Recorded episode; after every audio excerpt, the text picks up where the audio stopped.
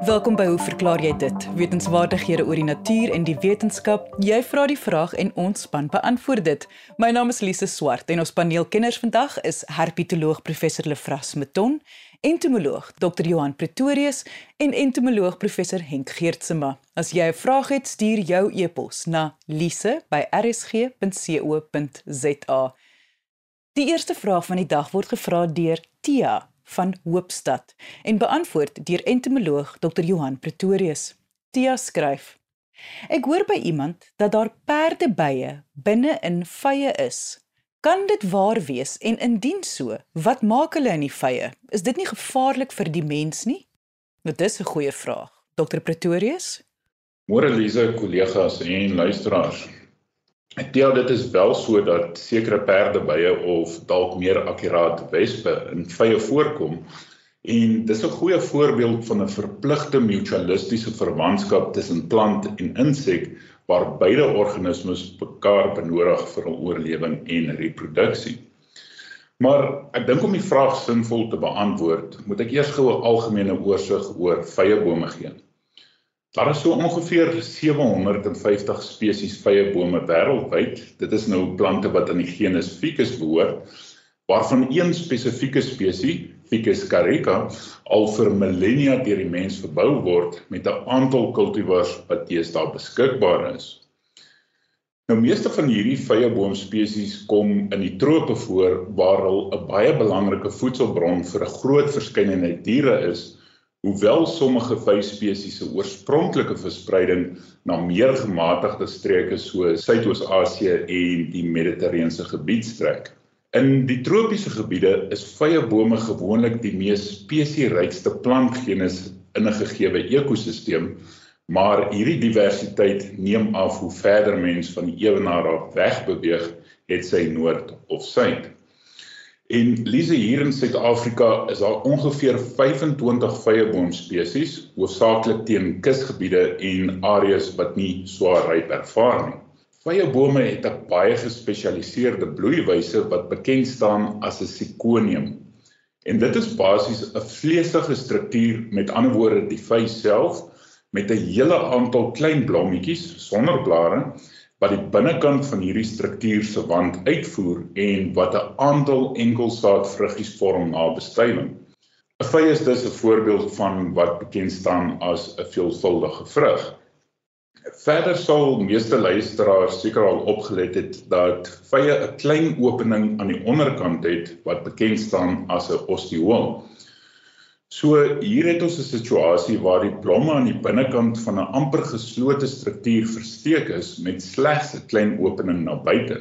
Die vraag is dan as die blomme so weggesteek en ontoeganklik is en nie hul teenwoordigheid aan bestuivers adverteer met helder kleure of lekker geure en mooi vorms nie soos ons meestal met ander angiosperme sien, hoe word hulle dan bestuif? En dit is waar die wespe inkom. Aangesien een spesifieke groep hoogs gespesialiseerde wespe die enigste diere is wat hierdie plante bestuif. Nou meeste van ons dink aan wespe as hierdie groot gevaarlike insekte wat meer as gewillig is om jou aan te val as jy te naby aan hul nes kom. En hoewel sekere soorte beslis gevaarlik kan wees, veral die wat in sosiale kolonies leef en algemeen na verwys word as perdebye, is die oorgrootste meerderheid van die duisende wespesies baie klein en glad nie in staat om jou fisies te beseer nie. Dis intedeel die kleinste insek wat al beskryf is, is 'n tipe wesp met 'n liggaamslengte van slegs 0.14 mm. Nou die wespe wat vye bestuif, soos mense seker sou kon raai, staan bekend as vye wespe en al behoort tot die wespfamilie Agaonidae.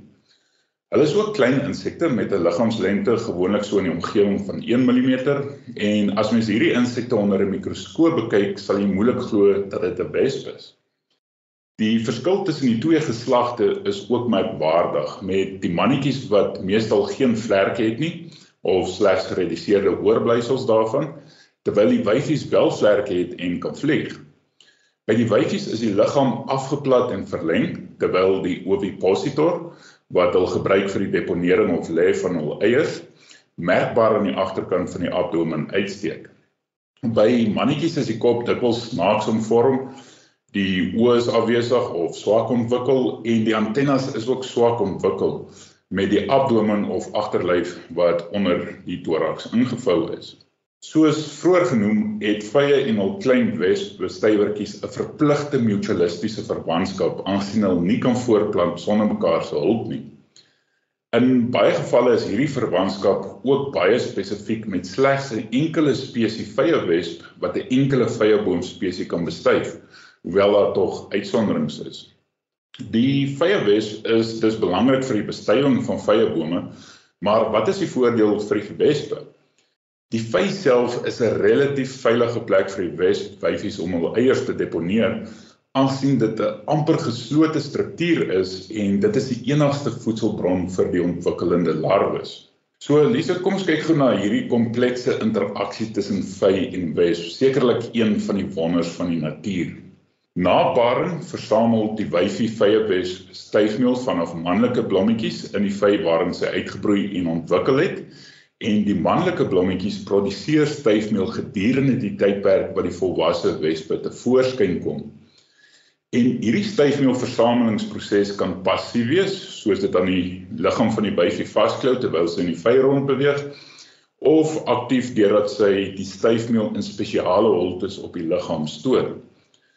Die wyfie wesp verlaat dan haar geboortevy en haar doelwit is om 'n ander vy op te spoor waar sy haar eiers kan lê. En sy doen so deur middel van spesifieke vlugtige chemiese stowwe wat die vye afskei as hulle gereed is vir bestuiving en wat die wyfie wespe dan lok. Mense kon sê die vye roep in wese die wespe. As hy geluk aan haar kant is en sy spoor so 'n vy op, verkry sy toegang tot die vy deur die ostiool aan die onderkant. Nou 'n afgeplatte verlengde liggaam is hiervoor geskik, maar sy word baie keer in die proses beseer waar haar antennes en selfs vlerke kan afbreek soos hy deur die opening van die ostiool wrimmel om in die vye te kom. Dit verhoed haar egter nie om suksesvol eiers te deponeer en die blommetjies te bestuif nie. Maar Lise hier raak dit bietjie meer kompleks. By vye bome is ongeveer die helfte van die spesies funksioneel tweehuisig. Met ander woorde, daar is sommige bome in die populasie waar die vye slegs langskeel vroulike blomme vorm, terwyl ander bome in die populasie vye met kortsteel vroulike blomme as ook manlike blomme wat styfmeel produseer in dieselfde vy vorm. En dit is belangrik want die vye wyfies is nie in staat om hul eiers in die langsteel vroulike blomme te lê nie, maar slegs in die kortsteel vroulike blommetjies. Die rede daarvoor is dat die styl van die langsteel blommetjies te lank is vir die wesp se ovipositor om die saadknoppies te bereik. Dit is die gedeelte waar die larwes voed en ontwikkel. Hierdie blomme se stempels word wel met styfmeel bestuif om uiteindelik saad te vorm soos die wyfie wesp probeer om haar eiers te deponeer, maar geen wesp nageslag ontwikkel in hierdie vye nie. Die wesp het ook geen manier om te weet dat sommige van die vye bome se vye slegs hierdie langsteel vroulike blomme het nie, aangesien daar geen verskil tussen sulke vye en vye met 'n mengsel van kortsteel vroulike blomme en manlike blomme is nie. As sy egter 'n boom opspoor waar die vye beide manlike blomme en kortsteel vroulike blomme het, sal sy al die kortsteel vroulike blomme gebruik om haar eiers te deponeer op die saadknoppies die wyfies vrek kort na eierlegging. Nou soos die larwes wat uit die eiers uitbroei begin voed op die endosperm van die saadknoppies, vorm daar 'n beskermende struktuur om hulle, bekend as galle, en hierdie blomme sal dus die sade vorm. Sodra die larwes klaar gepipeer het en volwassenheid bereik het, knagel uit hierdie galle en konsentreer in die holte aan die binnekant van die vy.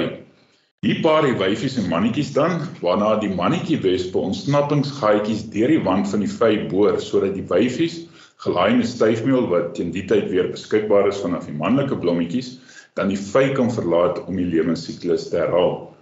En die mannetjies vrek kort daarna. Die oorblywende vyeboom spesies is eenhuisig waar beide kortsteel en langsteel vroulike blomme as ook manlike blomme in dieselfde vy by al die bome aangetref word. Die kortsteelblomme word dus vir eierlegging gebruik terwyl die langsteelblomme saad sal vorm na bestuiving. Sodra die wyfie wespe die vye verlaat het, sal die vye begin ryp word en ander diere soos voëls en soogdiere aanlok wat dan die vrugte sal vreet en sodoende die sade versprei. So Lise, dit is basies hoe dinge verloop by vye bome, maar ek neem aan jy is spesifiek bekommerd oor die wespe in gekultiveerde vye wat ons eet. Nou as ons kyk na die gekultiveerde vy Ficus carica, is daar basies 3 tipes, hoewel dit slegs 'n enkele vy spesies is, elk met sy eie aantal kultivars wat deur die jare deur die mens ontwikkel is.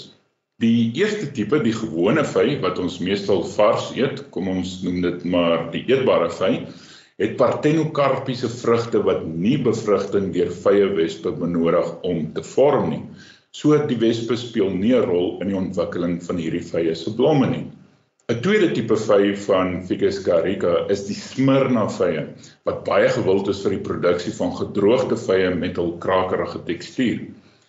Hierdie vye moet deur vye wespe bestry word andersins sal die vye afval voor hulle ryp word en sade vorm.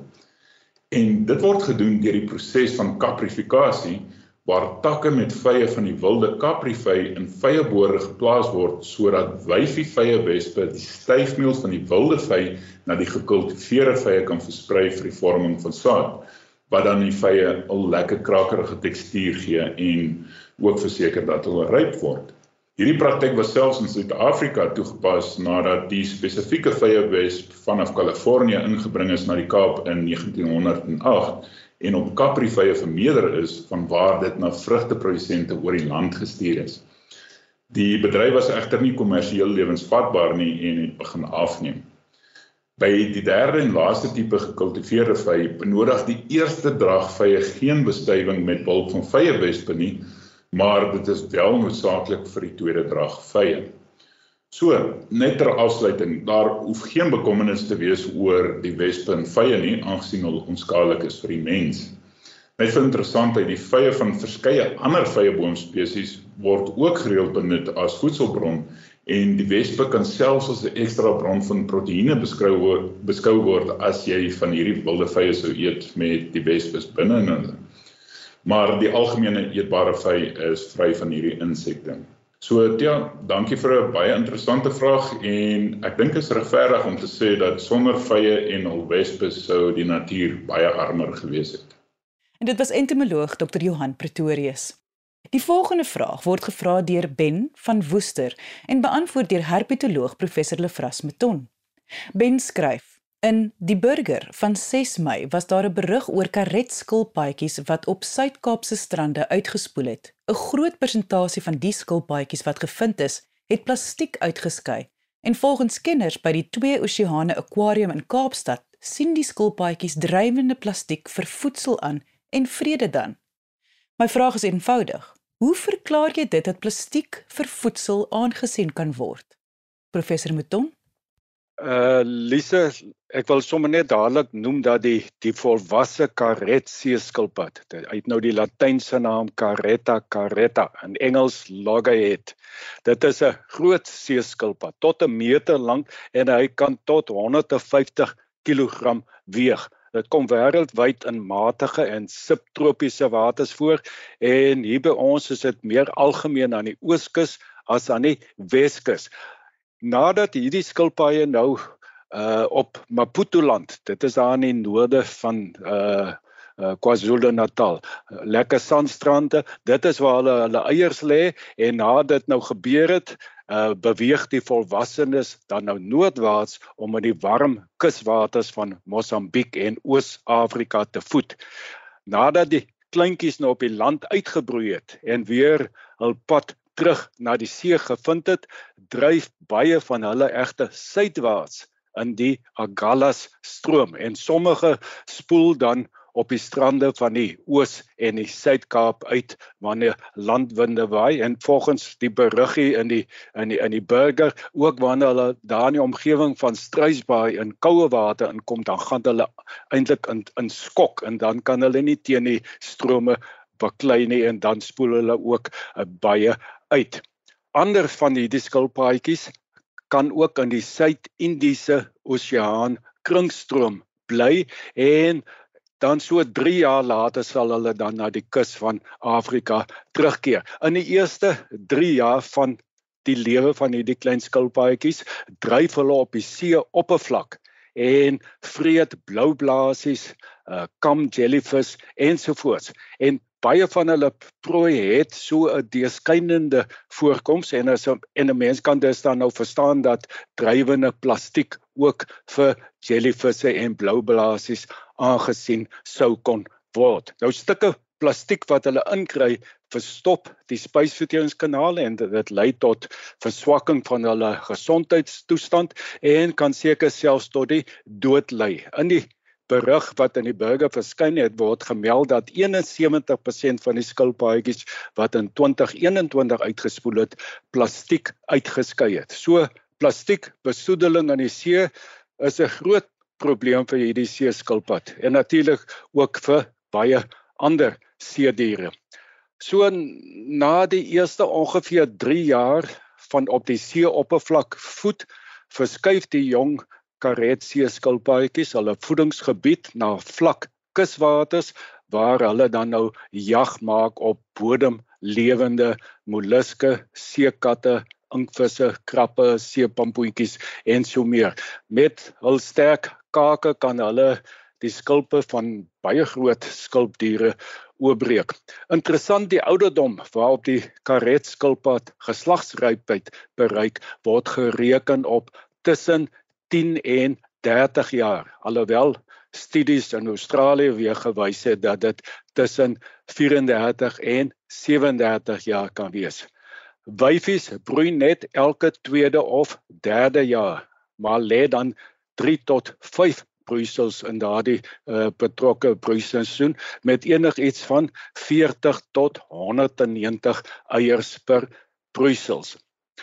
Die sewe lewende spesies van seeskilpaaie wat ons vandag kry, waarvan 5 in Suid-Afrikaanse waters aangetref word, is oorlewendes van 'n baie ou groep wat uit 'n enkele voorvader kom wat sowat 150 miljoen jaar gelede die see sy tuiste gemaak het. Aanvanklik was daar ook ander onverwante seeskilpaaie, maar hierdie lyne het almal uh uitgesterf. Baie van die hierdie vroeëre uh seeskilpaaie was baie groot met die grootste die reusagtige arkelon wat oor die 3 meter lank was. Nou vandag se seeskilpaaie het sekere primitiewe kenmerke behou soos byvoorbeeld dat hulle nie die kop en pote onder die dop kan intrek nie. Ander ongewone eienskappe ter aanpassing tot die seelewe sluit in die uitskeiding van oortollige sout deur die traankliere en die modifikasie van die pote tot swempote wat nou net een of twee van die kloue bou het. Die swempote roei saam eerder as afsonderlik. Dit is eintlik 'n interessante manier van swem. Alle seeskilpaaie, ons het dit nou al ook genoem, is vir hulle voortplanting steeds landgebonde. En wyfies en eiers en pas uitgebroeide kleintjies is vir daardie tydjie wat hulle op land is aan baie gevare blootgestel, veral uh aan die mens se doen en late. Hul getalle het dus drasties verminder en almal word nou as bedreigde spesies beskou. By waterskilpaaie en ek praat nou van beide vars en seewaterskilpaaie kan die gewig van die dop 'n probleem wees en ons vind dat hierdie skilpaaie dikwels ligter doppe het om aan, om te voed dat die skilpaaie sink en ook om hulle te help om vinniger te kan swem. Daar kom gewoonlik openinge, sogenaamde fontanelle tussen die bene van die dop voor.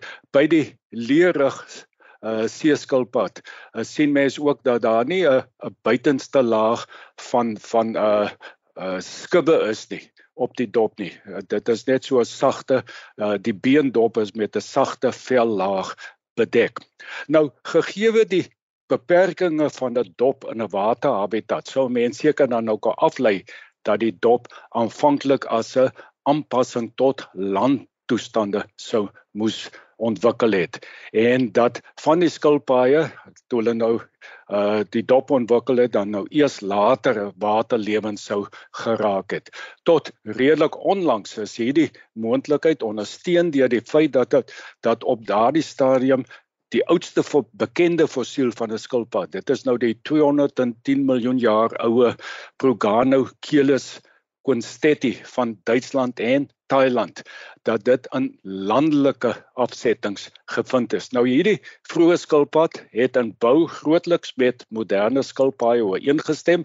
Dit het 'n volledig gevormde dop besit wat uit die versmelting van beenplate en die ribbebene gevorm is en net soos by moderne skilpaaie het dit geen tande gehad nie. Anders egter as by die moderne skilpaaie was die die kop en die stert met lang stekels bedek en kon kon die, die dit nie aan die dop ingetrek word nie. In 2008 egter is 'n baie vreemde fossiel van 'n skilpadagtige dier in China gekry wat 'n goeie 10 miljoen jaar vroeër as Proganochelys gelewe het en dit in 'n waterhabitat. Nou hierdie uh, skilpad, ek noem dit nou maar skilpad, se naam is Odontochelys semitestacea en dit beteken getande skilpad met 'n halwe dop. Dit het tande op beide die bo en die onderkaak gehad, maar meer werk merkwaardig nog is die feit dat slegs die onderste helfte van die dop goed ontwikkel was. Met daardie onderste helfte, dit staan bekend as die plastron. Dit was goed ontwikkel terwyl die boonste helfte, daar was wel verbrede ribbebene, maar daar was geen werklike dop nie. Dit het sommige wetenskaplikes dan nou laat glo dat die skilpad dop evolusionêr eerste aan die onderkant van die dier begin ontwikkel het, moontlik om beskerming te verleen teen predatore wat die dier van onder af in die waterhabitat aangeval het. Spesifiek seker dan nou wanneer hulle naby die oppervlak van die water geswem het. Ander wetenskaplikes weer was van mening dat alhoewel hierdie waterskilpad baie duidelik baie primitief was, die halwe dop 'n sekondêre toestand mag verteenwoordig deurdat net soos by moderne waterskilpaaie daar 'n poging kon gewees het om die dier ligter te maak uh, toe dit nou waterlewend geword het. Volgens hierdie teorie is die akwatiese lewenstyl en halwe dop geen bewys vir 'n akwatiese ontstaan van die skilpad dop nie. En dit was herpetoloog professor Lefras Meton. Ons kitsvraag word beantwoord deur entomoloog professor Henk Geertsema. Malcolm McLachlan van Hekpoort, hier naby Kruisdorp, stuur 'n foto 18 Maart 2020 van 'n eierpakkie so 'n halwe sentimeter deursnee op die agterkant van 'n spinasieblaar en vra of dit miskien 'n motse eiers kan wees. Die eierpakkie is die van 'n stinkbesie Hulle eiertjies word gewoonlik in groepies van 10 tot 35 gelê, gewoonlik naby hulle toekomstige voedselbron. In hierdie geval die spinasieblaar. Hulle manier van voeding is natuurlik hulle suig die uh plante droog of stengels om die plantsap in die hande te kry. Die eiertjies het 'n kenmerkende dekseltjie aan die bopunt van die eier. Iets wat ander insekte soos motte nie het nie. Nou wanneer 'n kleintjie of 'n nimfie uitbroei, en die nimfie 'n soort van 'n uitstekseltjie op sy kop, amper soos 'n hoetjie, wat die dekseltjie van binne af oopsny en sodoende toelaat dat die nimfie uit die eier kan kom. So die eier van 'n bliksnyer is al lank al deur die insekte uitgevind. Dankie Malcolm. Dit was dus 'n eierpakkie van 'n stinkbesie en ek vertrou die inligting was van nut.